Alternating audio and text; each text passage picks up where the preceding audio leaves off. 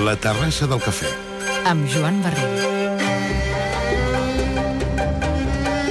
Aquí estem una nit més a la terrassa del cafè amb una persona que de terrasses, de cafès i d'altres coses, d'altres begudes, n'hi entén molt. Estem parlant amb Quim Vila. Quim Vila és el fundador de Vila Viniteca i una persona que en francès, si ell fos francès, li dirien marchand du vin, no? més o menys. Molt bona nit. Benvingut, Quim. Sí, sí, bueno, seríem una mica els marxants, els marxants de vi, sí, sí, o, o els, els negociants, que diuen a Bordeus. Això, no? negociants, Els sí. negociants o els marxants de vi. I, bueno, de fet, gràcies per lo del fundador, però realment és un negoci que van, van començar o van, van iniciar els meus avis, no? Bé, però és un refundador, perquè... Bueno, refun refundador, sí. Això, vaja, crescut i un dia et vaig trobar i vaig dir mira, he vist la teva camioneta pel Delta de l'Ebre. Diu, com la meva camioneta?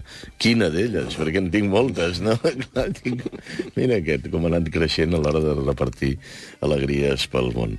Parlant d'alegries, és veritat que en el vi hi ha la veritat? Perquè això de les llatines en saben molt, no? I...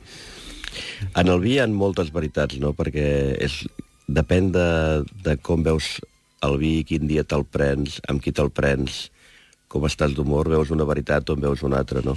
Jo diria que el vi ajuda a obrir-nos, ajuda a ser feliços i moltes vegades també ajuda a reflexionar, no? Mm -hmm. I llavors les veritats, eh, a mi no m'agraden les veritats absolutes, jo crec que cadascú té la seva, la seva opinió o les seves petites veritats però és, és bonic i és apassionant perquè l'ampolla és canviant com les persones, no? I un dia et dona una veritat i un altre dia te'n dona una altra i una a vegades et confon, també, no? Això és una de les coses que passa bastant en aquest món del vi com del, en el món de la filatèlia, si m'apures, no? que és la diferència entre el valor de canvi i el valor d'ús. És a dir, un vi pot costar 1.000 euros i, en canvi, ser una bírria. Dir, un cop l'obres perquè ha estat mal amagatzemat, perquè és massa vell, perquè ha anat evolucionant, doncs, eh, malament. Als segells se'ls hi passa el mateix. Tu pots gastar-te un dineral amb un segell, però posa aquest segell amb un sobre que no arribarà a la carta, eh? perquè, perquè aquell segell és del segle XIX.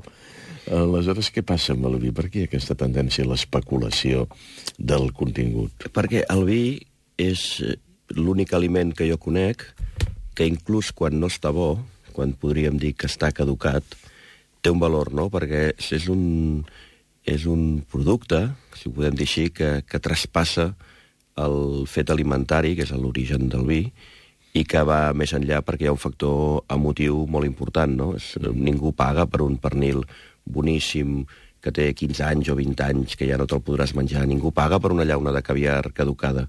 Però, en canvi, una ampolla de vi amb 100 anys, o amb 200 anys, o amb 300 anys, que hi ha moltes que poden estar bones, però aquella ampolla determinada d'aquella anyada, d'aquell xató, d'aquella bodega de prestigi, doncs la gent arriba a pagar, no? Es converteix, eh, traspassa aquest punt de, de plaer de, de veure-te'l i acaba sent com una obra d'art, no? una, una, una, un objecte de contemplació. I és l'únic aliment que jo conec doncs, que succeeix això, no? Mm -hmm. Per tot el que envolta el vi, no? Per la història, per les persones que el fan, pel lloc on ve, encara que el vi està fet, evidentment, per obrir l'ampolla i per veure-te-la, no? Clar, però per això hi ha gent que té un celler a casa seva, no? sabent que hi ha algunes ampolles que no es tocaran mai i les altres que es conserven allà. Sí, tenim, per exemple, tenim un, un client de fa molts anys a, a la botiga doncs, que, que aquell senyor doncs, compra ampolles i es va comprant totes les anyades i va fent per cellers, en té moltes, i a casa col·loca les ampolles de peu, que no és la millor manera de conservar-les, però les col·loca pel seu plaer visual, no? Sí, sí. Hi, ha, hi ha qui es compraria quadres o fotografies i se les penjaria a casa, que valdrien molts diners, i aquest senyor es compra vins que valen molts diners pel seu plaer de poder observar les etiquetes, no? I poder observar les ampolles plenes i llavors té uns altres vins pel, pel seu consum, no? En, en el vi hi ha molta diversitat, no? Hi ha, hi ha gent que va comprant, va comprant, va comprant, i que ja és bastant gran i que sap que la seva vida es podrà veure les ampolles, però va comprant pel plaer de tenir-les, no? I pel plaer de gaudir-les. Però també, evidentment, hi ha moltíssima gent que, que compra el vi per veure'l, no? No, no per sí. obsequiar els amics, que és fantàstic. I que duri. Eh, tot i això, sembla com si últimament s'hagués posat bastant de moda, per la gent que podia, que, que pot fer-ho, la creació de noves vinyes. I tu surts de Barcelona, per exemple, o de qualsevol lloc, i veus que hi ha moltes vinyes. I dius, tantes vinyes i en canvi el consum baixa, això funcionarà o no? No estem davant d'un procés inflacionari de la producció vitivinícola? Bé, de fet, a, a Catalunya i a, i a Espanya hi havia moltíssimes més vinyes que no pas les que hi ha ara. Si, per exemple, ens fixem en una regió molt potent a casa nostra i amb un gran prestigi i ressorgir com és el Priorat, el Priorat era un mar de vinyes, pràcticament. Totes les muntanyes estaven plantades de vinyes i ara la superfície és molt més petita de la que hi havia hagut en aquella època. Sí que n'hi ha una mica més que fa, que fa 20 anys, però la superfície és molt més minsa del que hi havia hagut, no? El que passa és que és la realitat. Abans el vi es consumia com una beguda eh, quotidiana, es bevia, la gent bevia vi per seguretat alimentària en comptes de beure aigua en molts llocs on l'aigua no era massa bona, i actualment el vi ha passat d'aquesta beguda de diari o aquesta beguda gairebé energètica, que la gent quan feia esforços físics més importants que ara a les seves feines doncs bevia, doncs a ser ara una beguda més de plaer, una beguda que, que malauradament es va abandonant una mica en els dinars de cada dia i va passant-se gairebé a una beguda de festa, una beguda de cap de setmana, una beguda de prendre't l'ampolla a la nit o de sortir a un restaurant, no? Abans el vi es veia a la taula, els nostres avis mhm. eh, dinaven amb vi. Eh, és curiós això que acabes de dir, de dir ara s'està més associat el vi al plaer. Malament rai, perquè quan hi ha plaer sempre hi ha alguna gent disposada a fotre'ns tots els plaers. Eh? I aleshores en el vi li està passant això. El vi és el causant de moltes malalties. El vi no el pots veure perquè has de conduir. El vi, en definitiva, és un, un, un perill, no? Veure una persona eh, bevent vi, dius, tant de vi, vens, prou, no? Amb un gotet i en tens prou. Sí, tenim, tenim aquesta doble moral, no? Per un costat, els ministres d'Agricultura promocionant el consum del vi, per altra banda, els ministres de Sanitat dient que el vi és molt perillós, ja no diguem els ministres aquests de. De l'interior. Però moltes vegades hi ha aquest problema que s'associa al vi amb la resta de begudes alcohòliques d'alta graduació i, és clar el vi porta doncs, un 12%, un 13%, un 14% doncs, doncs d'alcohol, no? però també porta un 80% de, gairebé doncs, d'aigua, no? i llavors sempre és beguda alcohòlica, beguda alcohòlica. I moltes vegades eh, els accidents, que realment és un problema, les addiccions, eh, alcoholèmia, que és un altre problema molt important de la nostra societat i sobretot de la gent jove, no venen ocasionades pel vi, venen ocasionades per un altre tipus de beguda que et permet doncs, col·locar-te o entrompar-te o posar-te en òrbita molt més ràpid i amb una dosis més, més petita i es posa el vi a dintre d'aquest sac i jo crec que si la gent jove begués més vi no tindríem tants problemes d'alcoholèmia, que és un problema realment eh, actual que, que ve de la que la gent jove s'inicia molt d'hora bevent aquestes begudes, les ginebres, els rons, els whiskies d'alta graduació, normalment barrejats amb begudes adulcorades i endolcides. No? Mm. Jo crec que, que tota la gent que ens dediquem al món del vi això no s'ha sapigut comunicar massa i és una eterna lluita i després doncs, hi ha moltes fundacions que, que treballen per demostrar que el consum moderat de vi doncs, és, és sa pel cos, no? Però tenim aquest, aquesta doble moral, no? Aquesta tendència, però, a, a dir, prenent una petita dosi pots arribar a posar-te en òrbita, a col·locar-te, a trompar-te, que sigui, no és una cosa nova. Des de sempre eh, la, la humanitat ha, ha buscat el que sigui, algunes civilitzacions vi, altres eh, uns altra mena d'aiguardents, altres fins i tot, com els derbitxos de Turquia, donant voltes sobre ells mateixos, eh? però aquesta sensació de voler perdre el món de vista. Això per què ens passa? Perquè és estrany, no? Els animals això no ho fan. Bueno, hi ha alguns que mengen fulles d'algunes plantes al·lucinògenes, Això també. també, sí.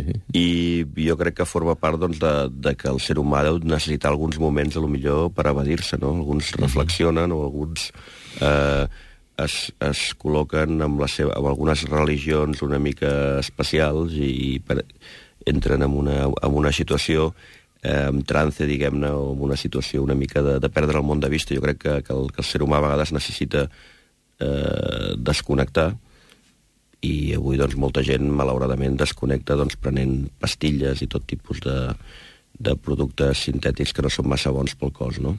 Mm -hmm. Però a part de que està clar doncs, que si tu veus una quantitat eh, important de vi més la que el teu cos accepta, doncs eh, no, és, no és positiu, eh, però jo crec que en el vi hem de separar-lo d'aquesta aquest, vessant, evidentment, com que porta alcohol, doncs té aquest efecte, però hem de separar-lo d'aquesta vessant i buscar eh, la vessant de que si el prenem moderadament ens dona plaer, ens dona il·lusió, podem gaudir-lo, que és un producte molt lligat a la nostra cultura mediterrània i que no té coherència que els països nòrdics consumeixin més vi que, per exemple, el que s'està consumint en aquests moments eh, a Espanya, no? O sigui, no té coherència que segueixi baixant el consum de vi i que diguis, home, no, és que fa molta calor. Bueno, sí, però els italians veuen també molt més que nosaltres, o els francesos, que són els grans productors del món, però no té coherència que els països eh, Noruega, Suècia, Dinamarca estiguin en aquests moments consumint molt més vi que nosaltres quan són països on el vi no està arrelat a la seva tradició. Quan, quan hi ha aparegut aquesta paraula, el plaer també eh, ha tingut eh, adversaris, però ha tingut gent que l'ha potenciat. Totes les esglésies cristianes accepten el vi dintre del seu ritual eh, agafen eh, escenes evangèliques com el Sant Sopar, eh, com la transformació de l'aigua en vi a les noces de Canà. En definitiva, el vi forma part de la cultura cristiana pròpiament dita, i això suposo que l'ha salvat bastant. No així a l'islam, on existia un alt consum de vi, hi havia un gran poeta que es deia Omar Khayyam, eh, que cantava les excel·lències del vi, i ara de sobte, plup, això s'ha acabat, no? I tot un mercat de, no sé, de 300 milions o 400 milions de persones es queden sense vi. Però fixa't que, que, els, que els monjos, les, les grans zones vitivinícoles del món, per posar dos exemples molt, molt ràpids, no? per exemple, la Borgonya o, per exemple, el Priorat, que estàvem mm, parlant, sí. són zones on la gran, la, els grans eh, difusors, propagadors i estudiosos del vi han sigut els monjos, no? Han sigut mm. els, eh, els monjos, o sigui, al Priorat hi havia la, la, la cartoixa d'Escaladei i a la Borgonya hi ha un, un, un munt d'assentaments que han sigut els grans promotors i els grans divulgadors de la cultura del vi. O sigui, ha anat realment molt lligat eh, vi religió, els monjos durant molts anys han sigut els que, els que han conreat i els que s'han dedicat a, a fer vi, i també eh, licors, mm. també licors. I, I cervesa. Hi ha, altres, hi ha altres països nòrdics les, les cerveses, no? En altres països més al nord les cerveses. Mm -hmm. Vaja, sort en tenim d'aquests mestres de celler, no? Que es dedicaven a hora et laborar, però ja que elaboraven, doncs eh, ho feien treballant el vi. Sí, perquè la vinya eh, sempre ha sigut una, una planta que les zones on ha sigut eh, més complicat de, de plantar alguns tipus de fruits o alguns tipus de cereals. La vinya realment sempre s'ha plantat en els llocs més pobres en els, en els darrers anys. Eh, quan ja ha entrat doncs, en els darrers 100 anys, quan ha entrat ja una producció més industrial, s'ha buscat una gran productivitat, s'ha buscat plantar per treure un rendiment, treure quilos per hectàrea, per fer-ho econòmic i atractiu. Però la vinya històricament sempre ha estat plantat a les terres més pobres, eh, la vinya ha sigut una planta que, que ha resistit als embats de la climatologia, de les sequeres, vull dir, ara en aquests moments tan, tan terribles aquests darrers anys que hem tingut de, de sequera i de molta calor, aquest any és una mica típic, però les grans vinyes que han resistit han sigut els ceps històrics plantats amb les varietats autòctones en els llocs més, més difícils, no? perquè ja hi estaven acostumats a estar allà. Uh mhm. -huh. I moltes vegades quan doncs, en una zona hi ha una riuada o hi ha alguna, alguna incidència climatològica bèstia, les noves plantacions realment són les que, les que pateixen, no on estaven plantades les vinyes històricament, que la gent eh, gran, la gent antiga, la gent històrica, ja sabia que aquells eren els millors llocs per plantar-hi la vinya. No? I llavors la vinya sempre ha sigut aquest recurs, i també aquest recurs de, de per fer vi i, i com a aliment, també era un, un aliment important perquè la gent moltes vegades coplantava les vinyes eh, varietats blanques que els hi servia per anar menjant també quan, quan anaven a, a baramar. Mm -hmm. el, el que mm, alguns apocalíptics diuen és que el canvi climàtic pot acabar amb tot i que un dia començarem a veure com van arribant les palmeres a cada vegada més, més, uh, més amunt i també que determinades cases eh, dedicades a la producció del vi estan plantant ceps a eh, cotes que fins ara no, era, no eren habituals, no? A la conca de Trem i, i una mica més amunt hi ha en aquest moment eh, algunes, algunes hectàrees experimentals per part d'alguna gran companyia catalana. Sí, els, es busquen llocs amb més alçada, eh, orientacions si, si històricament eh, sobretot en, en latituds més, nord, més nòrdiques que nosaltres es buscaven orientacions de les vinyes al sud per captar el sol, doncs aquí que tenim molt de sol i molta calor, doncs es busquen orientacions més al nord i a més alçada, però el canvi climàtic és una realitat, però fixem-nos que aquest any és un any raríssim, és un any que, que a l'estiu, escolta'm, no, no fa sol, els dies no, fa, no, no hi ha dies de sol. Ara tenim una setmana que fa sol, després una altra setmana que hi ha núvol, eh, ha plogut moltíssim, fa uns anys estàvem parlant de trasbassaments i aquest any ha plogut una barbaritat, però a tot arreu, a tota Europa, no és només aquí a casa nostra, no? I llavors hi ha, hi ha com uns cicles i, i bueno, ja veurem aquest any en molts llocs si madurarà bé el raïm o no madurarà bé el raïm, però sí que hi ha una realitat que, doncs, per exemple, a Alemanya, que era una zona difícil, que hi havia una anyada bona, una anyada dolenta, doncs aquesta escalfor, diguéssim, i aquest canvi climàtic els hi va bé, no? Els anglesos estan elaborant escumosos pel mètode champenois o mètode tradicional al sud de, de Gran Bretanya, no? i ells estan contents amb aquest canvi climàtic. Mm. Però i realment és una dificultat per aquí a casa nostra, no? Cada vegada les baremes s'avancen més. Però llavors arriben anys com aquest que, que potser destaroten els promitjos, no? Mm -hmm. Clar, eh, això ens porta a un altre concepte, que és el de la pàtria del vi. Quina és la pàtria del vi? Hi ha gent, hi ha consumidors segur que, que entren a la botiga algunes persones que diu jo no vull vins de Ribera de Duero, jo només vull vins catalans. I és possible que això sigui així.